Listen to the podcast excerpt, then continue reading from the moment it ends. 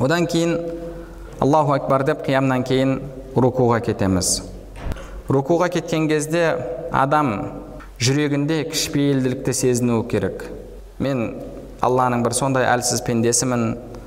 Алла тағала мені сондай әлсіз етіп жаратты. Ұлықтық тек қана алла тағалаға лайық деген адам өзінің жүрегінде сезімді орнықтыруы керек. Сол сезімді орнықтырып тұрып өзіңіздің ешкім емес екендігіңізді әлсіз жаратылыс екендігіңізді сезініп тұрып субхана раббиал азим субхана раббиал азим субхана раббиал азим деп айтасыз. Яғни азим сөзі бұл ұлық дегенді білдіреді. Менің ұлы раббым барлық кемшіліктерден пәк деп сол жерде алла тағаланы кемшіліктен пәктейсіз және алла тағаланың ұлықтығын жүрегіңізге орнықтырасыз. Адам алла тағаланың ұлықтығын жүрегінде орнықтыру үшін өзінің әлсіз пенде екендігін өзінің ешкім емес екендігін сезінуі керек. Қанша адамдар дүние бітіп сәл байи қалса сол байлықтың буымен мас болып қалады. Ол өзін керемет бір қолында дүниенің жартысын ұстап тұрғандай сезінеді адамдарды менсінбейді өзін басқалардан жоғары көреді. Ол адамдардың жүрегінде тәкаппарлық пайда болады. Сондай тәкаппарлықпен тұрып субхан раббиал азим дейтін болсаңыз сіз алла тағаланың ұлықтығын сезініп тұрған жоқсыз.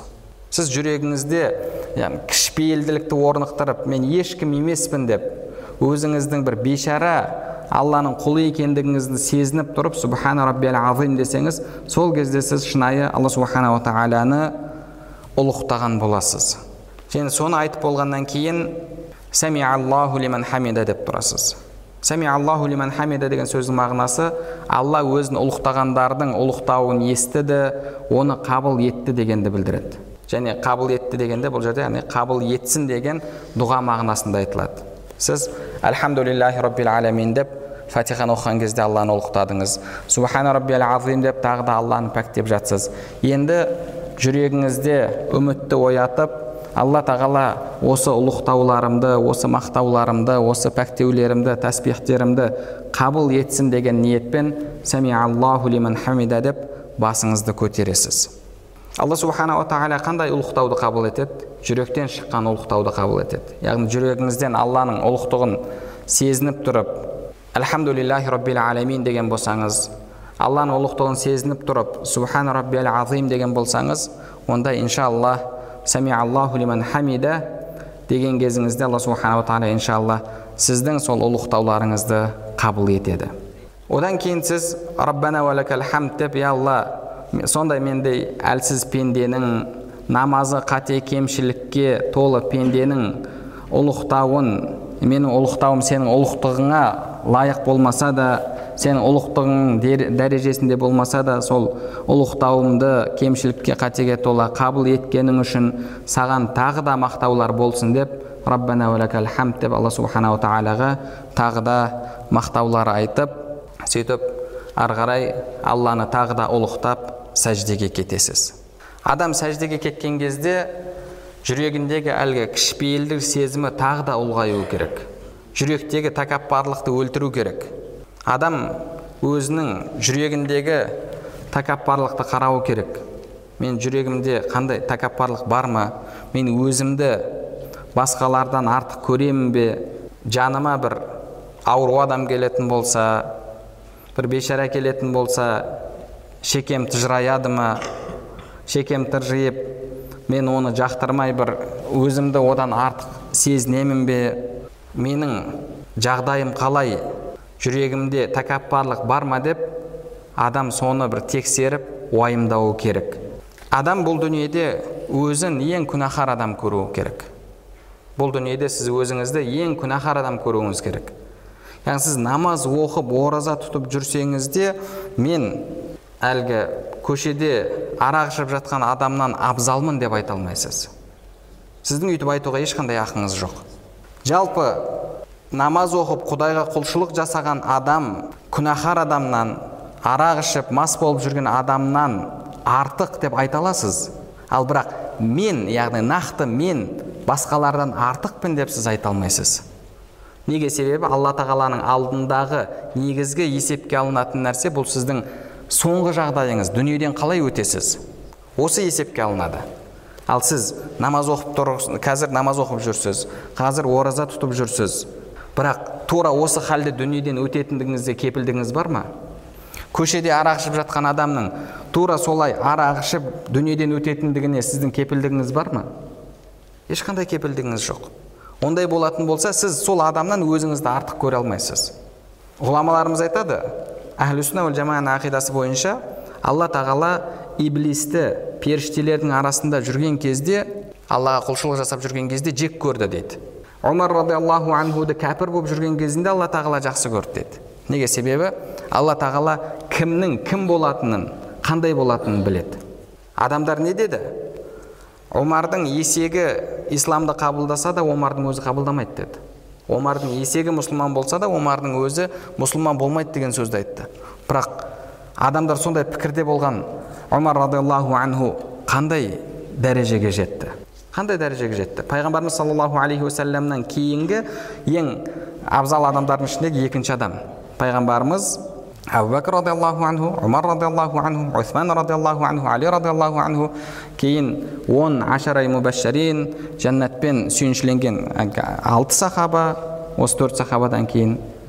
Осылайша яғни үмбеттегі ең абзал адамдардың осылай реттеледі. Одан кейін әлгі бәдір шайқасында болғандар бірақ адамдар омар радиаллаху анху жайында қандай ойда болды? Алла тағала біледі бірақ омар радиаллаху анхудың сондай ізгі тақуа жанға айналатындығын. Сол үшін де алла тағала оны кәпір болып тұрған кезінде жақсы көрді. Иблисті құлшылық жасап періштелердің арасында жүрген кезде жек көрді. Ондай болатын болса сіз өзіңіздің халіңізді білмейсіз.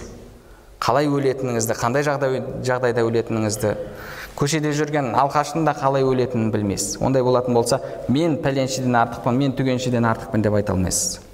Бірде ибраһим ибн адхам рахимахуллахтан бір адам келемеждеп сұрайды.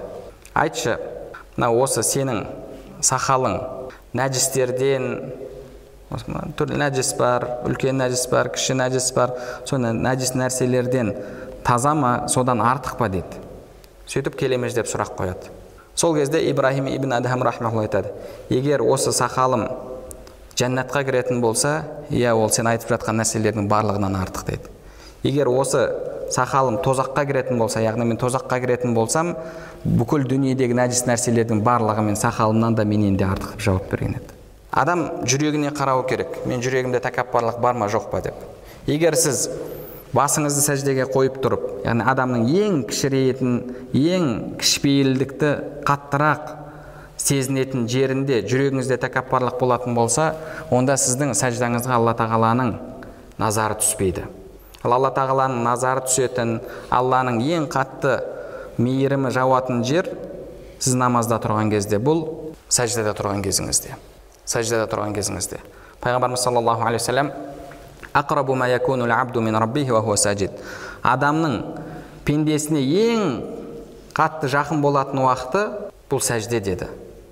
Құранда алла субханала тағала аятта да уәсжуд уақтариб деді. Сәжде ет те жақында деді. Яғни сәжде ету арқылы маңдайыңызды жерге қою арқылы яғни басыңызды сіз өзіңізді әсіліне негізіне қайтару арқылы алла тағалаға жақындайсыз сіз басыңызды жерге қойып жатсыз. Өзіңіз сол жерден шықтыңыз. Дейді алла тағала. Біз адамдарды топырақтан жараттық топыраққа қайтарамыз және топырақтан қайта тірілтеміз дейді. Яғни сіз жерге басыңызды қойған кезде өзінің ең лайықты болған орнына қойдыңыз. Себебі сіз сол топырақтан шықтыңыз. Енді басыңызды сәждеге қойған кезде жүрегіңізде кішіпейілділік болу керек жүрегіңізде өзіңіздің әлсіз пенде екеніңіз сезінуіңіз керек. Соның барлығы жүрегіңізден өтетін болса иншалла сіз шынында да алла субханала тағалаға жақындаған адам боласыз. Сол уақытта аллаға жақындығыңызды сезінуіңіз керек. Аллаға ең жақын болатын уақытыңыз сол уақыт. Сол уақытта иншалла жүрегіңізде хушу болатын болса жүрегіңізде алладан кешірім сұрау болатын болса сол сәждеде иншалла аллаға ең жақын уақытыңызда дұға жасайтын болсаңыз иншалла алла субханала тағала дұғаңызды қабыл етеді. Одан кейін сәжде жасап болғаннан кейін қайта қиямға барасыз қайта рукуға келесіз қайтадан сәждеге келесіз. Сол уақыттарда қазір біз айтып кеткен нәрселердің барлығын жүректе ұстау керек. Кейін тәшәһудке отырасыз. Тәшәһудке отырған кезде алланың бірлігін барлығын айтып қайтадан жүрегіңіздегі куәлікті шәһадатты растайсыз және пайғамбарымыз саллаллаху алейхи уассаламға салауат айтасыз. Пайғамбарымыз саллаллаху алейхи уассаламға салауат айтып жатқан кезде пайғамбарымыз саллаллаху алейхи уассаламның үмбеті екеніңізді сезініп алла тағала сол салауатыңызды пайғамбарымыз саллаллаху алейхи уассаламға жеткізетіндігін және пайғамбарымыз саллаллаху алейхи уассалам сіздің сол салауатыңызға жауап беретіндігін сезінуіңіз керек. Пайғамбарымыз саллаллаху алейхи уассалам өзінің хадис шарифінде менің үмбеттерім маған салауат айтатын болса алла тағала маған рухымды қайтарады және мен олардың салауаттарына жауап беремін деген еді. Алла тағала сіздің салауатыңызды пайғамбарымыз саллаллаху алейхи уассаламға жеткізеді. Пайғамбарымыз саллаллаху алейхи вассалам сіздің салауатыңызды естиді. Ондай болатын болса салауатыңыз жүрегіңізден шыққан салауат болуы керек. Және шынында да өміріңізде күнделікті өткізіп жатқан ғұмырыңызда пайғамбарымыз саллаллаху алейхи уассаламның шынайы үмбеті болуға әрекет жасауымыз керек. Иншалла пайғамбарымызға үмбет болған халде пайғамбарымыз саллаллаху алейхи вассаламға салауат айтатын болсаңыз иншалла алла субханала тағала сіздің салауатыңызды жеткізеді. Сөйтіп екі жағыңызға сәлем бересіз. Адам екі жағына сәлем беріп болғаннан кейін тағы да бір сәт ойлануы керек. Менің намазым алла тағала қабыл етуге лайық болған намаз болды ма? Пайғамбарымыз саллаллаху алейхи уассалам салли салата қоштасушы адамның намазын оқы деген еді. Хадисті имам ибн мәжа рахмауллах келтіреді. Менің намазым қоштасушы адамның намазы болды ма? Егер сізге періште келіп өлім періштесі келіп сенің бес минут уақытың бар он минут уақытың бар намаз оқып ал дейтін болса сіз қандай намаз оқисыз? Қандай намаз оқыр едіңіз? Бес минуттан кейін өлім періштесі жаныңызды алатынын білесіз. Қандай халде тұрып намаз оқисыз? Сіз сол жерде дүниеңізді еске аласыз ба? Байлығыңызды еске аласыз ба? Бітпей жатқан жұмысыңызды еске аласыз ба? Нені еске аласыз? Дүниенің істерінен еш нәрсені есіңізге ала алмайсыз. Ойыңыздың барлығы тек қана ақирет тек қана намаз болады. Алланың ұлықтығын сезіну болады. Пайғамбарымыз саллаллаху алейхи уассалам әрбір намаздарыңды қоштасушы адамның намазындай етіп оқыңдар деді. Енді менің намазым қандай намаз болды? Қоштасушы адамның намазы болды ма? Немесе тәні михрабта тұрғанымен жаны басқа жақта ойда қырда дүниенің ойында қырында жүрген адамның намазы болды ма? Осы намазымды алла тағала қабыл етеді ме деп уайымдап намаздан кейін адам пікірлеуі керек. Омар радиаллаху анху алла тағала екі ракат намазымды оқыса одан артық мен үшін бақыт жоқ деген еді. Сондай ұлы сахаба екі ракат намазымды алла тағала қабыл етсе мен үшін одан асқан бақыт жоқ деген еді. Шынымен де біз қанша намаздар оқып жатырмыз. Алла субханала тағала қабыл етіп жатыр ма ол намаздарымызды? Әр адам өзінің жағдайын жақсы біледі. Намазда тұрған кезде қандай халде тұрмыз?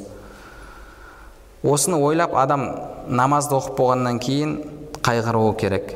Яхя ибн уассаб рахмаулла бұл кісі ұлы табииндерден намазды оқып болған кезде түрінде сондай бір уайымдағаны көрінетін еді ол кісінің түрі сарғайып кететін еді деді. Адам уайымдаған кезде оның ә, жүзі сарғаяды. Ол кісі намаздан кейін уайымдаған кезде жүзі сарғайып кетер еді деді. Пайғамбарымыз саллаллаху алейхи уассаламның сахабалары да тура сондай болатын. Имам ибрахим ан нахаи жайында ол кісі де ұлы табииндерден намаздан кейін біраз уақыт ауру адам сияқты отырып қалатын еді деді. Ауру адам сияқты отырып қалатын. Яғни осы намазды оқып болдым. Енді бұл намазым алла тағаланың алдында қабыл болған намаздардан болды ма болмады ма деген уайым ол кісілердің жүрегін мазалайтын еді. Ол кісілердің жүрегін мазалайтын. Біз намаз оқып болсақ екі жағымызға сәлем беріп болмай тұрып немесе сәлем бере бермес орнымыздан атып тұрамыз да әрі қарай жұмысымызға жүгіріп кетеміз. Алла тағала намазым қабыл етті ме еткен жоқ па деген ой өкінішке орай бізді аз мазалайды. Әрқайсымызды осы пікір осы ой мазалауы керек. Бұл яғни қазір біз айтып кеткен намаз хушуапен намаз оқушылардың намазы болып табылады. Хушуапен намаз оқушылардың намазы. Алла субханала тағала сондай намаз оқитындар жайында қад афлахал муминун аллазина хум фи салатихим хашиун намаздарын хушуапен оқитындар қияметте құтылады деді.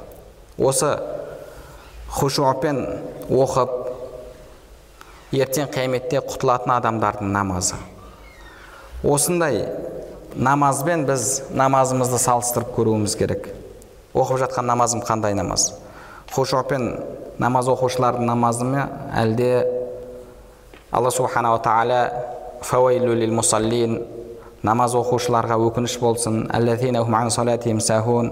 олар намаздарына немқұрайлықпен қарайды дегендердің намазы ма? Кімнің намазы? Соны ойланып әр намазымызды хушупен оқуға әрекет жасауымыз керек. Иншалла хушупен намаз оқысақ біз құтылушы пенделердің қатарына кіреміз. Егер немқұрайлықпен намаз оқитын болсақ алла субханала тағала оларға өкініш болсын дейді. Қандай ауыр аят? Намаз оқушыларға өкініш болсын деді алла субханала тағала бәрімізді хушуапен намаз оқитындардан етсін алла субханала тағала намаздарына немқұрайлы қарап ертең алла тағаланың алдына намаздарымызбен барған кезде намаздарымыз шаң тозаңға айналып қалудан өзі сақтасын субханакаллахум бихамдик ашхаду ан ла илляха ва атубу